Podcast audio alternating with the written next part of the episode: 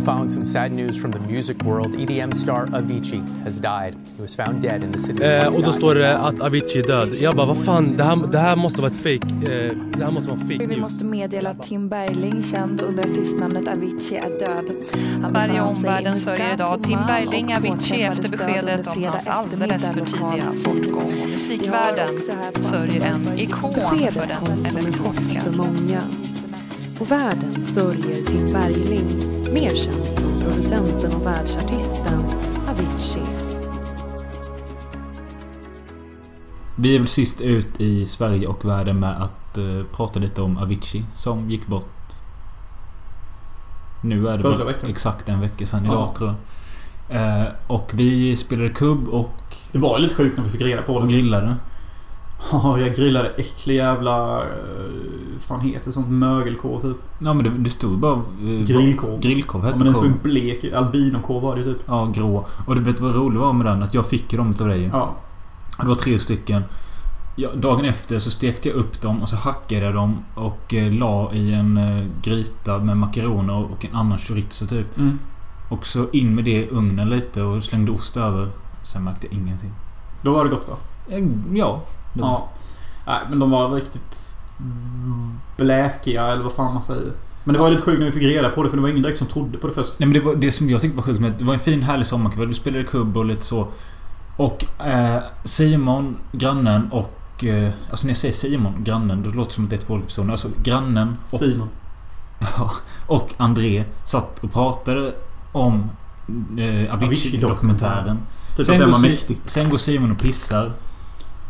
Under, han, under tiden han är och pissar så säger min syrra Avicii är död. Kolla här på mobilen. Mm. Simon trodde ju först att det var ett skämt eller När han kom tillbaka då sa vi alla Avicii är död. Han bara nej. Ja, Nej, det var sjukt. verkligen. Och det är ju tragiskt och idag så kom det väl fram då att eh, det var självmord. Mm. Jag tror det var så jag tolkade tidningen i alla fall. Jag kan ju nästan tycka att det är lite suspekt. Att det kommer en dokumentär typ en vecka innan han dör. Nästan som att det är lite planerat att han ska dö. Om jag får vara lite konspiratorisk. Jo, jag började också tänka på det för att Avicii True Stories slängdes upp på SVT Play för en eller två veckor innan han dog. Typ bara typ så här tre, fyra dagar innan. Det är nästan som att de visste eller hade på känn att han skulle dö. Och därför förberedde de en dokumentär som hade en ganska deprimerad inställning. Ja. Du såg ju bara de första 20 minuterna ju. Mm, och då är den ju lycklig och så här lite cool och glad typ. Jag såg ju hela skiten och... Eh, kan verkligen rekommendera den faktiskt för... Eh, det är ju mer en film om psykisk ohälsa och eh, ja, en man som mår dåligt än vad det är om en eh, rising DJ-star. Ni kanske var så att Tim... Och det, det som blir extra konstigt så här när man... Jag såg filmen samma dag som vi fick reda på att han dog. Mm. Jag hade tänkt se den innan men nu blev det samma dag. Och då blir allting så lite extra konstigt när de sitter och han säger i dokumentären att Jag kommer att dö om jag fortsätter spela så här. Jag orkar inte mer. Sen lite senare i dokumentären så säger han någonting igen bara Det här kommer inte gå. Jag kommer dö. Men vad säger de som lyssnar på honom då? Artist... Eller vad menar du? Ja, vilka är det han berättar Jaha, nej men han har ju ett crew med sig. Några kompisar, någon personlig tränare, någon manager, någon kock eller något. Och de är ett helt jävla gäng och... Eh, de managern och några till, de är typ de mest hatade människorna på jorden just nu. På grund av det här. Ja, för att... Det blir inte direkt ett sympatiskt intryck utav dem i... Eh, Var det han som hasslade? Ja, precis. Men han var ju skön ju. Ja, då till en början kanske. För att han gjorde ju så att Vichy ble, äh, blev stor till en början. Jag är så jävla bra på att hassla alltså. Alltså jag måste sätta på den här låten. Every day I'm hustling. Alltså han var ju skön där i det där jävla billiga producentrummet han Ja. hade. Alltså jag bara ringde till dem och sa alltså de har budat två miljoner så om ni budar samma så är ni rätt störda i huvudet. Ja. Och så ringer de under tiden typ bara De budar två miljoner. Och bara Every day I'm hustling. Värsta stämningen typ. Ja. Men... Eh, jo, Han blir inte lika skön sen eller? Nej, för uh, Avicii säger ju att han får ju problem med bukspottkörteln och allt som skit och säger att... Uh, nej, men han fick ju problem med bukspottkörteln och jag vet inte om det var på grund av att han drack väldigt mycket och ofta. Eh, Men han hade ju fan spelningar fem dagar i veckan typ. Ja, och... eh, fick extrema smärtor och på grund av det fick han extremt starka smärtstillande som han typ överdoserade på. Ja. Så han sitter i någon scen och är helt jävla borta i en bil. Typ "Eh, okej, jag vet inte vad jag är. Typ. Gött. Men så när han säger då till sina managers och sånt att jag pallar inte mer. Nu ställer vi in och jag kommer lägga ner. Och det är liksom... Oj, förlåt. Jag måste stänga av min mobil. Det där är katten som tuggar i sig chips. Så, förlåt. Ja, han sitter hur hög som helst. Nej, det är inte samtidigt. När han kommer till ett beslut att jag orkar inte mer, jag vill inte mer. Eh, för jag pallar inte. Då kan man tänka sig så här att som de sa i Filip och Fredriks podd att Ja men om typ du säger till mig som är vi är polare och du säger att nu mår inte jag bra och jag orkar inte mer. Då borde jag liksom typ stötta dig och säga att nej men då skiter vi i detta. Vi ställer in den här spelningen. Men där Men, det- man gör ju inte redigt så. Nej, det är ju tvärtom här utan... eh, För de säger istället bara Ja men tänk på alla andra du sabbar för. Alltså, vi förlorar pengar på dem här om du ställer in och sånt. Du kan inte... Det är inte bara du själv. Han bara Nej men det är jag som måste stå där. Jag orkar inte få ångest av att gå upp på scenen. Jag vill inte mer. Nej men du sabbar för alla andra. Du borde... Du kan inte bara göra de här 10 giggen som är här. Och det är massor som de pressar hela tiden och eh, det är inte jättesympatiskt. Nej, det är det faktiskt inte. Men jag kan ju tänka mig att Alltså om han ändå blivit så superkänd som han är Mm. och han börjar prata om att han inte pallar mer. Då är det väl inte så farligt att bara nej men alltså om du känner så så kanske vi ska lägga ner lite. För att de Mm. borde ju ändå ha tillräckligt med cash eller? Ja, det har... Eller har de... Ja men det är väl bara liksom att... More... Mer vill ha mer eller något sånt. Jag vet inte. Jag har aldrig gillat det uttrycket för jag tycker det tar bort sympatin för människor som är rika. Ja, jag vet faktiskt inte exakt hur det ligger till, men det man kan förstå av dokumentären det är att han var jävligt duktig på att skapa catchy melodier och sånt. eh, Och jag tror, som han också säger i dokumentären, att han hade nog funkat bäst att bara få sitta vid en dator och göra musik. Han vill inte vara på scen, han vill bara göra själva... Fast han tyckte ju det var kul i fem år sa han ju. Det är ju ganska lång tid. Ja. Det är en jävla Men, lång tid att eh, ha kul. in- Jag tror inte han tyckte det var så kul ändå att gå upp på scenen. Eh, För det ser inte ut så i alla fall. Nej, men någonting som inspirerade mig när jag såg det. Jag såg ju bara de 20 första. Mm. Det var just det när han sa att det var typ stött-kul i, i fem år. Typ. Mm. Då tänkte jag så här. Shit, han hade verkligen stött-kul i fem år. Det är fan mer kul än vad de flesta har sammanlagt. Om man ska tänka hur roligt man haft i hela sitt liv. Fast det stämmer inte att han har haft störtkul i fem år, även om han säger det. För att där börjar... Ja visst, han säger det i början av dokumentären. Men sen så börjar den då liksom, säger 2011, 12, 13, 14, 15, 16. Alltså redan där vid år 2, 3 så blir han ju helt jävla förstörd. Okej, då kanske han hade stött-kul i tre år. Ja, jag vet inte. Min poäng var i alla fall att Jag tycker nog ändå det verkar som att han levt ett värdigt liv. Alltså Jag hade nog lätt kunnat gå med på en deal. Att, Jonas, du får ha hur jävla fantastiskt kul som helst i fem år. Men sen så är det kistan. Jag hade nog övervägt att säga ja till det. Än att leva ett drygt slentrianskt liv. Ja. I typ tills jag blir 70. Speciellt nu med när jag inte ens tycker om gamla människor längre. Vad fan kommer jag tycka om mig själv när jag blir gammal? Men grejen är att din poäng funkar ju inte med tanke på att... Han hade inte... Han mådde ju inte bra. Nej, men varför sa han det då för? Varför sa han det då för Robin? Jag vet inte. eh, jag vet inte. Men jag satt och tänkte så här. Det har ju varit jättemycket hyllningar av honom överallt ju. Det var ju en tyst minut på Sergels torg helt fullsatt. Vi hade ju tyst 10 sekunder typ. Ja. Jag föreslog en tyst minut men jag visste ju att ingen av oss skulle palla det. Ja. Så vi var ju bara typ tysta i 5-10 sekunder. Ja. Och eh, någon kyrka i Holland ändrade ju om sina klockor i kyrkan så att den spelade... Det var någon melodi. Sen så tog de över det till Sverige och spelade också kyrkmusik med Avicii då och... Det var till och med ett bönutrop i Malmö. Eh, från Islamistiska föreningen som gick ut och bara La shala shila, hinda hala hola heha Okej, om du säger det så. Uh, och jag och grannen satt ju här utanför och lyssnade igenom typ 10 låtar dagen efter som skit. Men så började jag tänka på att... Uh, har man något speciellt minne med Avicii? För det var så jävla mycket snack om ah, alla har sin historia om Avicii. ja, Men vi hade ju det ju. Ja, du kom jag på det med. När vi var i Danmark och vi alla bara Nej nej nej nej nej nej nej nej nej nej Det var ju så Emil alltid sjöng låten. Nej nej nej. Nu pratar vi om Emil som är död typ. Men utvecklingen av Jonas historia det är att liksom...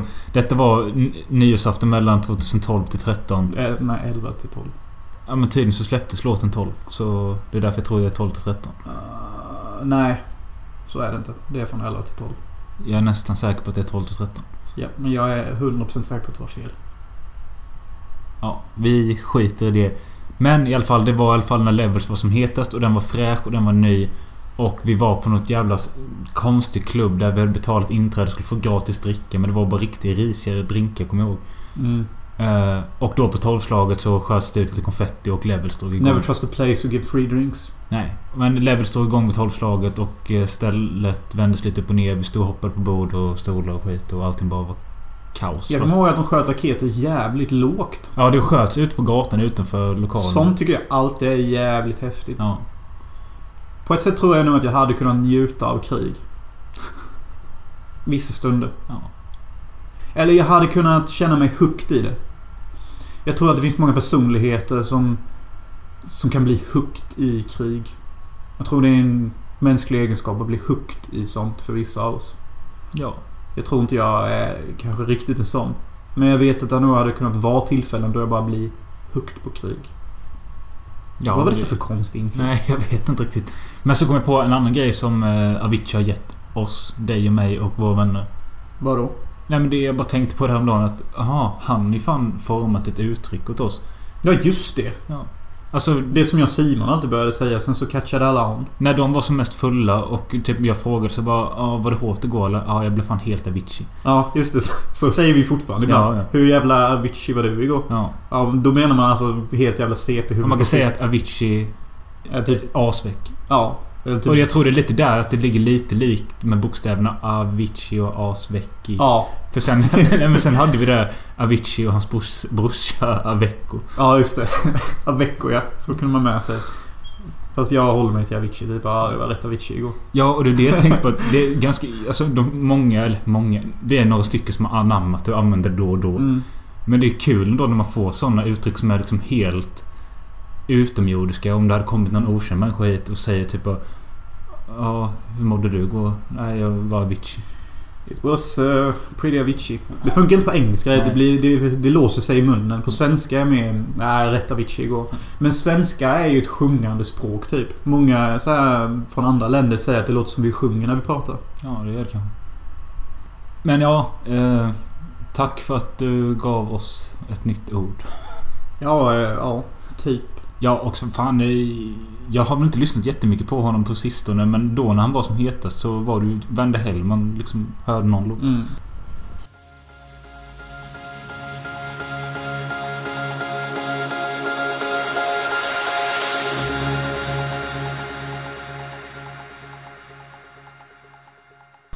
Kolla på din grumpy cat som sitter där.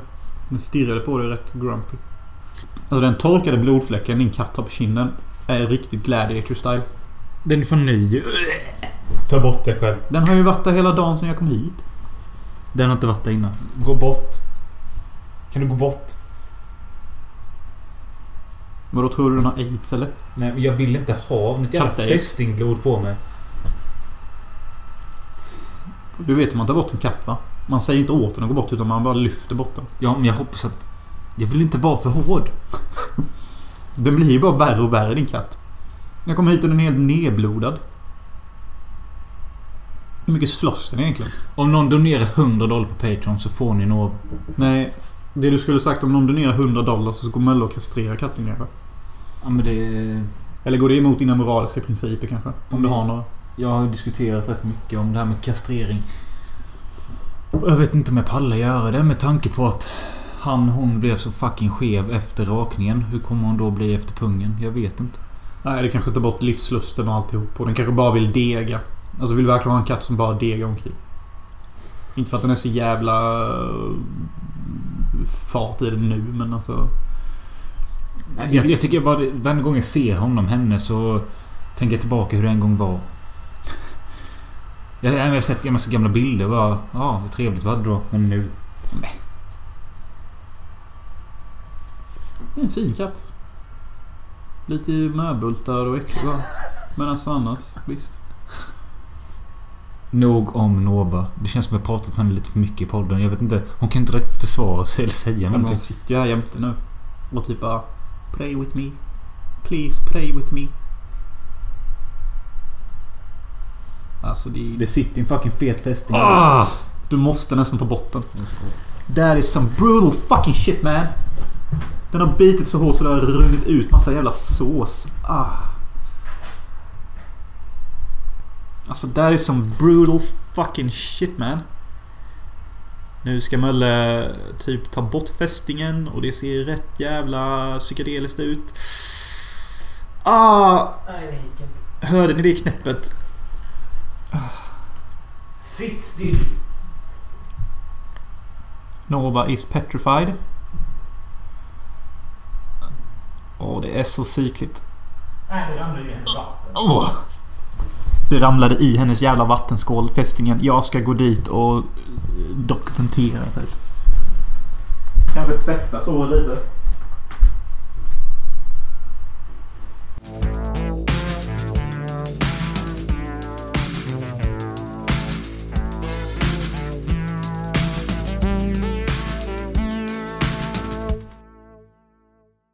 Nu tänker jag ställa dig en fråga. Spännande. Nej, frågan är inte så spännande. Mindre spännande. Eh, vet du vem Paul Hollander är? Paul Holland. Paul Hollander. Nej. Jag tror han vann Robinson första landåret det gick på TV. Ja. Eh, och sen senare år så har han eh, varit inslagsproducent åt Filip och Fredrik. Ibland har de filmat honom lite så bakom kulisserna och sån skit. Och eh, utav någon anledning så fick jag för mig och eh, googla hans namn igår. Mm. För jag, jag kommer inte ihåg vad jag skulle kolla upp. Jag gick in på hans Wikipedia så står det att han, gjorde några kontroversiella dokumentärer. Och så hittade jag då att den första han gjorde hette Buy... Buy Buy Beauty. Och då är det liksom som är köpa, B-U-I. Buy som är hej då, Beauty. Buy Buy Beauty. Och eh, handlar om att eh, Paul Hollander åker till Litauen där han eh, intervjuar folk som köper horor och hororna själva. Kul. och filmen blev väldigt omtalad året han gjorde det, typ 2002 kanske. Varför då? För att han gör det med en sån touch att liksom i Litauen så liksom... Ja men det är liksom helt fritt att köpa sex och hororna är som de är bla bla bla. Ja, och vi ballar ur Sverige då eller? Nej men typ att... Eh, ja, det är väldigt mycket prostitution och sånt där. Score. Och han intervjuar de här eh, prostituerade och de som köper sex. Men eh, med twisten på att i slutet så har han gjort ett montage när han typ knullar alla tio horor. Men han själv gör det? Ja, Som han intervjuat? ja. Eh, och det... Jag tyckte det lät lite king ändå. Ja, Alltså- som fan. Eh, och så tänkte jag så här, fan jag vill se den här dokumentären. Eh, för att se om det liksom stämmer. Men det, för det var mycket tidningsskriverier om det och sånt skit. Kom in på hans hemsida och där gick det att ladda ner en typ... Alltså jag, jag hittade inte som torrent, jag hittade inte på YouTube. Utan det enda som fanns på hans hemsida var en sån här fem minuters klipp från den. Och det kollade jag på. Det, då var det bara mest intervjuer med lite torskar och sånt. Men på, på hans hemsida så låg det en annan dokumentär som heter Pelle Polis. Och då började jag googla upp den då och uh, lät också väldigt intressant. Och den fanns och laddade ner hela. Den har också blivit väldigt omtalad och borttagen från eh, när den skulle visas på SVT och allt sånt. Varför då? Nej, och vi, jag hade ju på den här en minut innan du kollade. Ja. Och, te- och frågade dig, kan du fatta vad detta handlar om? Nej, jag trodde ju kanske det handlade om någon som försökte imitera GW Persson eller någon som lekte låtsasnut typ. Ja. För det såg lite ut så när han satt i bilen där och spionerade typ. För det var mycket sånt GW gjorde. Ja. Men eh, den gubben du såg, det är en man i 60-årsåldern. Som kallas Pelle Polis. Han heter Per Anders någonting. Eh, han är dömd pedofil. Eh, för ett antal år sedan. Eller filmen är rätt gammal, är från 2001 eller något sånt skit. Och Paul Hollander som har gjort regissören. Han har blivit eh, sexuellt utnyttjad av en äldre man när han var 13 år. Vilket han också berättar i denna filmen. Och har fått reda på den här Pelle Polis Eh, Pedofilen då. ja. Och snackat med honom privat. Är det okej om jag bara filmar det lite privat eh, när du snackar om eh, ja, det som har hänt, din dom och allt sånt här? Ja visst. Och då har Pelle Polis, pedofil, gått med på att bli filmad. Eh, för att han... Det som är lite halvskevt med honom det är för att han ser inget... Att han har gjort något konstigt eller något sånt. Men vem, hur ung var den här killen eller tjejen han var på? Eh, nej, men det var, alltså han, har haft, han, han var på 70-talet var han uttalad, en av de första uttalade poliserna som var uttalad bög. Det är alltså en polis som är pedofil. Ja. Som ger sig på yngre killar. Ja. Så här 13-12 eller? ja. Okej. Eh, och det, det fallet han blev dömd för det var en situation i en bastu där det var någon yngre kille, typ 13, kanske 14, som... Eh, det är lite skevt hur allting är berättat men typ som... Gubben tyckte väl att han var lite utmanande för att han satt i bastun och visade sin kuk eller något sånt skit. Och det slutade med att eh, han runkade av pojken och tvingade honom att runka av honom eller något sånt. Ja, det är lite skevt så här, men det låter rätt snuskigt. Ja. Men själva twisten till den här dokumentären och twisten på Bye Bye Beauty var att han i slutet knullar alla horor. Så i den här... Jag, jag fattar inte. Jag, det är så jävla konstigt. Mitt i filmen ungefär 35-40 minuter in. Då knullar Paul Holland den här gubben. wow. Eh, Modigt. man får se liksom att de ligger nakna, man får se kuk i bild och så. Man får inte riktigt se när kuken går in i någonstans. Men man får se när de ligger och suger och runkar och sån skit. Och, Det är grafiskt alltså. Nej, det är inte... Alltså det är liksom... Filmat precis så att man inte ser kuken. Och sen, sen får du se kuken när det inte är någon action, men... Får man se kuken gå in i munnen på någon av dem? Nej. Men eh, jag har för mig att man fick se lite sagge på gubbens mage. Alltså, det, ja. Och i alla fall. Anledningen till detta då enligt Paul var att för att han skulle bevisa att gubbjäveln är fortfarande en fucking pedofil med såna grejer. Så hade- så att, att han blev intervjuad i Expressen typ 2002. Bara, men det här bevisar ju ingenting att han är pedofil med tanke på att du är 37 eller något sånt. Ja, precis. Och då, det tycker jag är så jävla skevt. Och då hade han typ svarat bara Nej men det bevisar att han ändå liksom går igång på något som är yngre och... Jag vet, Det var så jävla dålig förklaring och det låter så jävla konstigt varför han knullar den här gubben. För jag fattar inte anledningen till det. Nej, sen så är det ju inget bevis på att han gjorde det eftersom du säger att det inte är liksom grafiskt filmat. Så att vi har inga direkta bevis. Jag har inte sett klart filmen heller. Det kanske kommer mer. Jag vet Mm. inte. Men intressant helt klart och eh, Paul Hollander är eh, verkligen en speciell kille. Eh, sen att filmen är lite tråkigt gjord med tanke på att det 80% är bara den här gubben som pratar om eh, pedofili typ. Och sen ibland kommer det hysteriska klipp likt någon MTV-produktion från sent 90-tal och så står Paul Hollander och skjuter med pistol typ. fan skjuter han med en pistol för? Det är på någon skjutbana, jag vet inte. Men eh, jag tyckte bara det var jättekul att hitta den här obskyra dokumentären som känns som två personer har sett. Typ, med tanke på att den inte fick visas på TV. Typiskt Sverige. Nej, jag vill bara berätta om den. Att den finns att ladda ner på hollander.se. Sök Hol- på Pelle Polis så finns det nedladdningslänkar. Men hur reagerade de när han klippte in att han knullade alla de här hororna då? Vad tyckte folk om det? Nej, jag vet inte. Jag har inte läst så mycket om det. Men det blir. Det lär ju finnas en skara som tyckte han var king. Sen lär det ju funnits en skara som tyckte att det var helt jävla äckligt och motbjudande för horor är fel. Ja. Men det lär ju också finnas en annan skara som kanske hade en annan poäng som hade varit kul Ja. att höra. Och jag har inte direkt läst hans anledning till saker han gör. Nej men alltså... Varför pissar jag på en brud liksom? Varför strampar man ihjäl en snigel? Alltså de flesta grejer man gör har ingen direkt motivation bakom sig. Some people just want to watch the world burn. Just det, eh, han gjorde ju en dokumentär för några år sedan med han åkte till Afghanistan eller något sånt. Något krigsland. Eh, och gjorde några sjuka intervjuer där. Något sånt. Det slutade med att han blev skjuten. Ja, han blev skjuten i axeln. Sån bild. Han låg förblödd i ögonen typ. Men han blev... Han, Jag har aldrig trott att jag kommer bli skjuten någon gång. Förvisso har jag ju redan blivit det. Men alltså jag menar skjuten på redigt. Alltså ett riktigt skotthål. Det tror jag jag kommer råka ut för. Kanske nu när jag är i USA. Mm. Nej, jag tror det var... Det finns ju väldigt eh, sunkiga områden i LA. Som man tydligen ska hålla sig borta ifrån. Med massa gäng och hobos och sånt. Och jag vet inte om det är det som kallas Skid Row.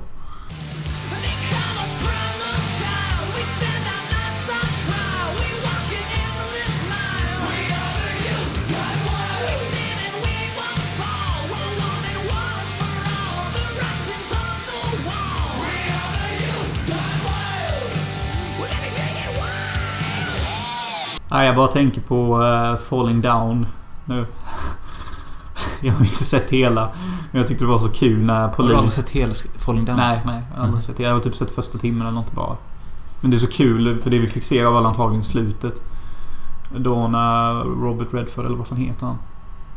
Michael Douglas? Nej, Nej, Nej Robert Duvall. Robert Duvall siktar, siktar sin revolver på, Ja, just det. på Michael Douglas. Och Douglas bara I'm the bad guy.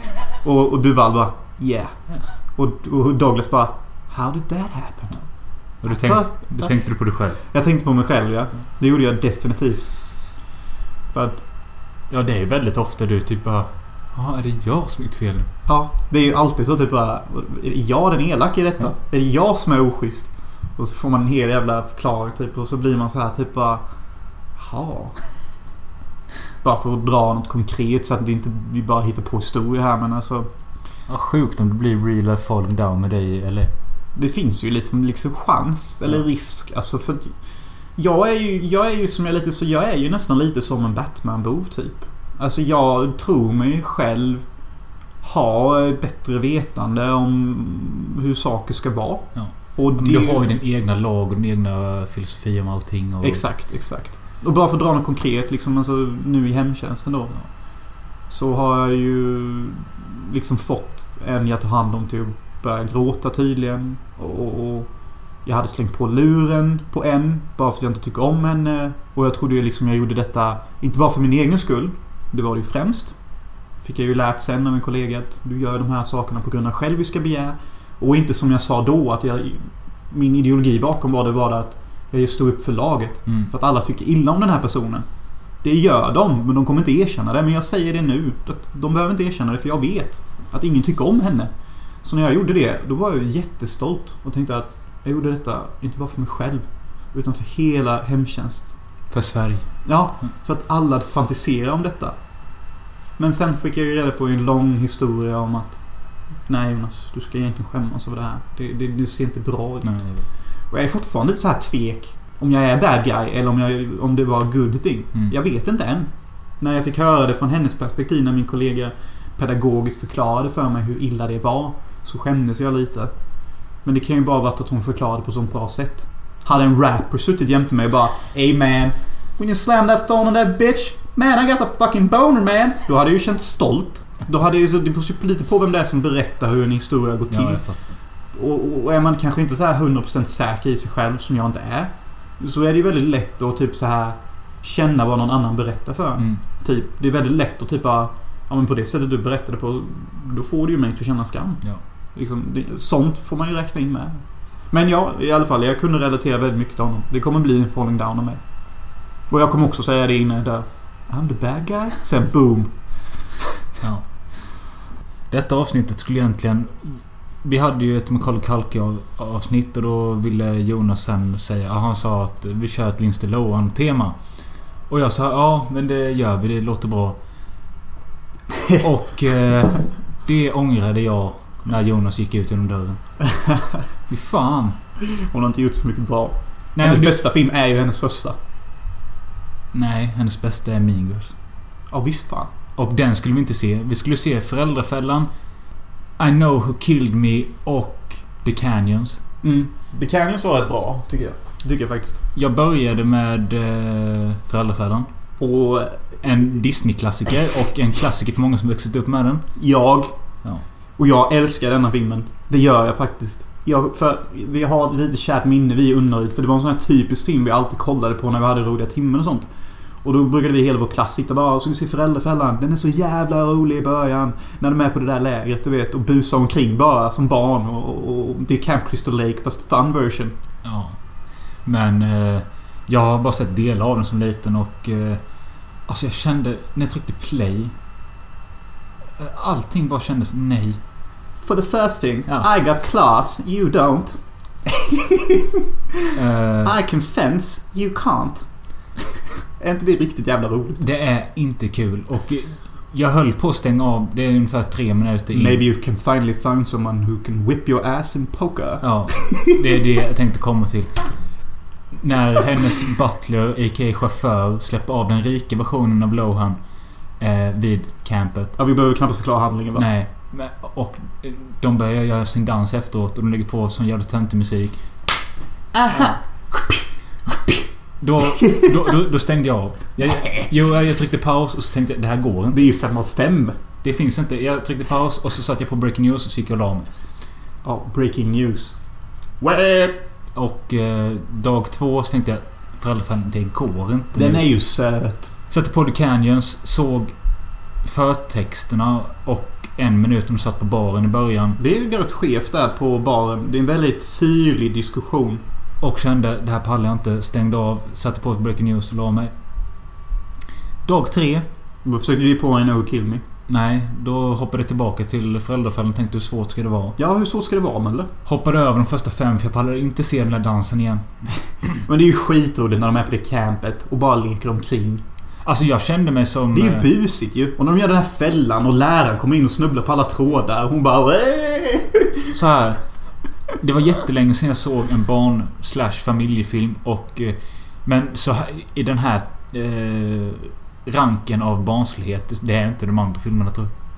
Eller så var det att jag var på så jävla old man grumpy mood men... Men det är ju jättesött då när det regnar ute och de två måste spendera natten i det där fina camphuset. Och de pratar och de inser att de är tvillingar och de sätter ihop det där eh, det fotot de har rivit isär.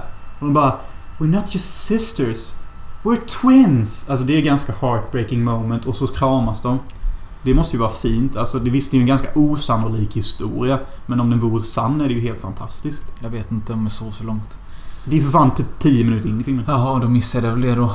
Men... Eh, nej, jag, jag sov väl kanske... Jag sov 30-40 minuter och klarade inte av mer. Såg du hela? Du såg inte hela? Men 30-40 minuter. Jaha. Jag såg ju hela igen. Jaså? Ja men jag tycker ju om den filmen. Jag tycker den är ganska intressant sen när de... Och jag, Byter jag, plats. Jag, jag, tål, jag tålde typ inte Lohan. Hon är ju jättesöt. Nej. Och hon är ju... Det var hennes bästa rollpresentation. Nej. Vad fan tyckte du om någonting med filmen? Nej. Ja, Då höll jag på att dö också. När de ska spela poker och eh, den ena av dem kommer in i en jävla skinnjacka och solbrillor och på Bad to the Bone. Jag blev så... Det blev så ont i kroppen. De är ju fula mot henne sen. Du måste Och då- ta ett nakendopp och så snor de hennes kläder. jag vet. Det är så busigt. Jag var tvungen att pausa filmen där så började jag googla upp Bad to the Bone. Tänkte att när började den användas? Och, Den användes ju flitigt i How uh, Married Children. ja, det är den kanske. Men sen, Typ en gång varje säsong. jag tänkte att kanske första gågen var till Terminator 2. Ja just det, där är det ju med. Ja, men. Men den har ju använts innan det med. Men... eh, Den är så överanvänd. Ja, det känns som att så fort, är, nu är det något coolt här. Jag lägger på den. Ja, alltså skulle man göra det nu så skulle det nästan vara... Men nu är det bara ironiskt blir det. Ja, det skulle vara ironiskt Fast det på en intelligent nivå. Det är det ju redan 1990 i Föräldrafällan. Ja, ja. För det är ju liksom meningen att det ska vara liksom... Och den filmen kom 98 va? Ja, det gjorde den. Jag sa 90, 98 Mm. kanske stämmer. Jo, den kom då. Så den kom ju ganska perfekt in i de som föddes 92. Så det blev en ganska typisk barnfilm för de flesta av oss. Ja. Men... Eh, nej, inte för mig. Alltså. Men jag måste ju säga att filmen är ju som absolut bäst den första halvtimmen när man är på det där lägret och sånt. Det är riktigt busigt. Filmen har ingen direkt handling. Och de bara får vara barn. Och det är jättehärligt att se hur kul de har. Jag klarade knappt mig igen. Det är så sjukt att du säger så. Nej. Men vet du vad det sjuka är? Detta kommer du inte tåla. Men jag kunde inte se film på Putlocker på grund av att jag hade dåligt nät den dagen. Så jag bara tänkte att jag vill inte se någon annan film än denna. Så jag gick in på YouTube. Och där hittade jag en version som var fyra gånger inzoomad. Bara för att komma förbi... eh. Så jag såg alltså en fyra gånger inzoomad version av Föräldrafällan. Det var ju tur jag hade sett den innan. Ja. Men det var verkligen jättekonstiga bilder jag fick se ibland. Typ närbilder på ögon. Så bara, är detta en spagettivästen? Bara för att det var... Ja, för att komma förbi YouTube. För då var det egentligen en vanlig näbbel på ett ansikte typ. Ja. Ja. Bara det att jag såg en, sån version. Fy fan, hur pallar Jag, jag, var tvungen att skriva ner det i min dagbok. Jag kollar verkligen på en fyra gånger inzoomad version av Föräldrafällan. Men det, alltså hur fan pallar ditt nät YouTube om du inte pallar puttlocken? Ja men YouTube funkar alltid av någon anledning. Putlog är ju lite så här CP. Ja. Typ. Ja, ja, men så hade vi då The Canyons. Som är en film skriven av Brett Easton Ellis. Som har skrivit eh, American Psycho. Mm. Boken då. Ja, Och denna The Canyons var då ett manus han har skrivit tror jag. Ett filmmanus faktiskt. ja, och den är gjord av Paul Schrader som skrev Taxi Driver och regisserade något annat känt. Mm. Det märks verkligen att båda de två är inblandade. För Brett Easton Ellis dialog är alltid så jävla... Cynisk, syrlig, men komisk. Mm. Verkligen de tre adjektiven är perfekt. Alltså för... Alltså, det känns nästan som en spin-off på American Psycho lite när de sitter och pratar. Speciellt där i början när de har den där jättesyrliga diskussionen om... om producenter och hans flickvän och sånt. Ja, alltså det utspelar sig i LA, Hollywood typ. Mm. Bland eh, up and coming skådespelare, regissörer eller något sånt. Och en kille som är regissör tror han är. Han är tillsammans med Lindsay Lohan och eh, brukar typ ha henne... Låta henne bli knullad av andra killar. Samtidigt som han har folk som kommer över och tittar på när de knullar. Ja. Och han låtsas vara chill med det. Men han är inte det. Han är lite on the edge denna killen. Han har ju kort stubin som fan. Och den killen, jag tyckte att han var liksom... El Ducho. Ja, El Douche. El douche? Ja. Han, han, han kändes verkligen douchebaggy. Ja, ja, det gör han ju. Och så var jag tvungen också att kolla upp vem fan det var. Då har han tydligen varit med i över 2000 porrfilmer. Han är en riktig porrskådis alltså. Fan vad coolt. Det var därför han var så lugn med att visa kuken. Och Ja. hångla med den där killen i den sexscenen. Ja. Där Lindsay Lohan för övrigt bryter fjärde väggen. Och Alltså, kollar rakt in i publikens ögon efter han har fått henne, honom till att hångla med en kille. Jag har bara sett en timme. Ja, och det hände väl typ en timme och 50 minuter in i Ja, filmen. okej. Rätt bra sexscen. Han tycker det är obehagligt att hångla med den killen. Men Lindsay Lohan måste visa sin övermakt och tvinga honom till det på ett ganska obehagligt sätt. Okej. Nej men eh, så läste jag också att den killen då... eh, Han... Har fått jävligt kast rykte nu i porrbranschen. För det är massor som anmält honom för att han är... Både för rough eh, i scenerna fast de har sagt att det ska vara snällt och sen så har han haft charges för sig privat för att han har hållit på att vara taskig mot brudar och sånt. Han verkar vara ett riktigt svin. Mm. Och det passar han bra under rollen. Ja, ja. Det gör han ju. Jag kan inte riktigt förklara filmens handling. Alltså... För de som har läst American Psycho och kanske någon annan bok av honom så verkar inte han jobba för att ha en övergripande handling. Utan hans historia handlar mer om karaktärer i särskilda miljöer. Mm. Som är snuskigt och makabert lagda i sin personlighet. Exempelvis är ju American Psycho en seriemördare samtidigt som han är en yuppie. Och det är lite likadant i Rules of Attraction. Det bara Ja. följer massa Lite tragiska olika. människor på... De är inte kanske tragiska per se.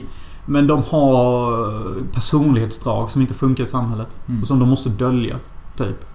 Eller i alla fall hitta en, en hemlig zon där de kan få utforska de sidorna. Men alltså, jag fastnade inte för The Canyons heller. Alltså, mycket tilltalade med att det utspelar sig så i Hollywood, skådisar och film och sånt. Men Lindsay Lohan var ju rätt fräsch. Fast till och från. till och från, men man ser på henne att hon nog är knarkpåverkad. För hennes ögon matchar inte alltid sina blinkningar. Vilket är ett tydligt tecken på sådana som är hög på koks och sånt. Ja, det Som är det länge. Man, man ser det när de blinkar, att de blinkar i olika takt. Och det gjorde hon. Om hon nu är en duktig skådespelerska så kanske hon förmedlade det med flit. Mm. Men jag tvivlar på det. Jag tror att det kommer av sig själv på grund av hennes beroende. Men jag tycker också så... Nu sitter vi bara och diskuterar hennes jävla utseende men alltså... Eh, hon har ju... Det är någonting som är... Börjar se sunkigt ut i denna filmen. Mm, men Om hon man har, jämför då med till exempel Mean Girls som liksom var i sin prime. Men hon har ett ganska rått sexuellt utseende. Och hon har ju goa bröst. Och det är ju ganska snyggt att se på en sån smal kvinna. Det är ju typ lite ovanligt så. Ja, jag vet inte, är det så vanligt? Nej, jag vet inte. Jag bestämde mig nästan innan vi skulle göra den här podden att det är ju lite kliché när man pratar om en kvinna och sen måste man kommentera hennes utseende. Det är inte kliché för det är typ bara vi som gör. Alltså, Ja, typ. jaha okej, men då är jag ju stolt över det. Men det känns som att varje gång man pratar om en kvinna så måste man kommentera hur hon ser ut. Alltså vi gör ju det om män. Eller jag kanske gör det. Jag brukar ju säga att vissa män ser bra ut. Ja. Nej, jag vet inte. Men, eh, ja. du gillade The Canyons? Ja, alltså den var inte superbra. Vill jag inte påstå. Jag tycker mer om Föräldrafällan om vi ska vara såna. Och den tredje då som var typ den mest hatade filmen på filmtipset och eh, ligger på IMDBs topp sämsta 250. I know who killed me. Har jag inte ens tryckt play på. Det är lugnt. Jag såg inte hela heller. Men jag- ska försöka förklara lite att den känns nästan lite som Eyes of the Sun.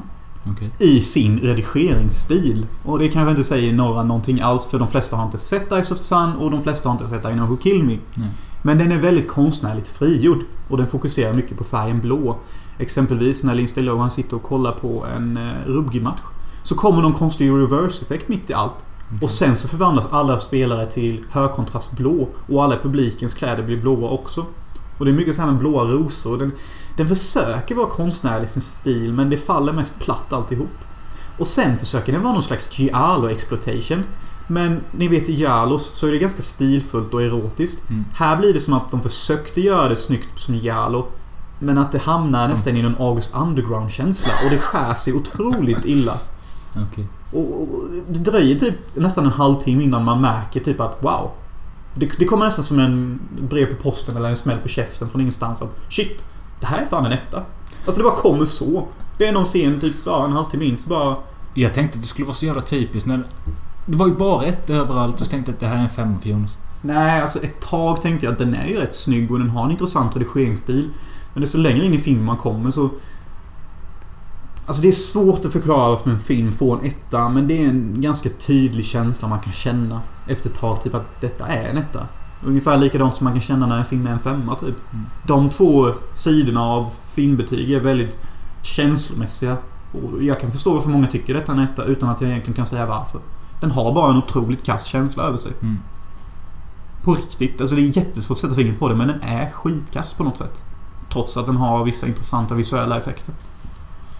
Ja, nej jag är glad att jag inte sett den. Alltså, Alltså ingen behöver under vår nästan snart tvååriga poddkarriär så har detta varit det tråkigaste temat någonsin. Och då har vi ändå sett Star Wars prequels och eh, anime-tema som jag var anti, men då hade jag ändå lite kul.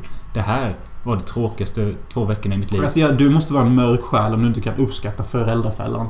Och alltså, då menar jag att du behöver inte uppskatta resten av filmen. Men fan dig att du inte tycker om när de är på lägret ens. Det är ju ingen som hatar det.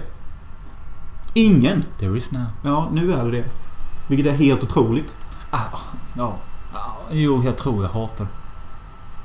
Hur kul är det inte när de tar av sig maskerna och skakar hand och alla bara They're so alike. Ja, och det är jävla... Vad, De fäktar sig typ. ja, de springer runt där och håller på och...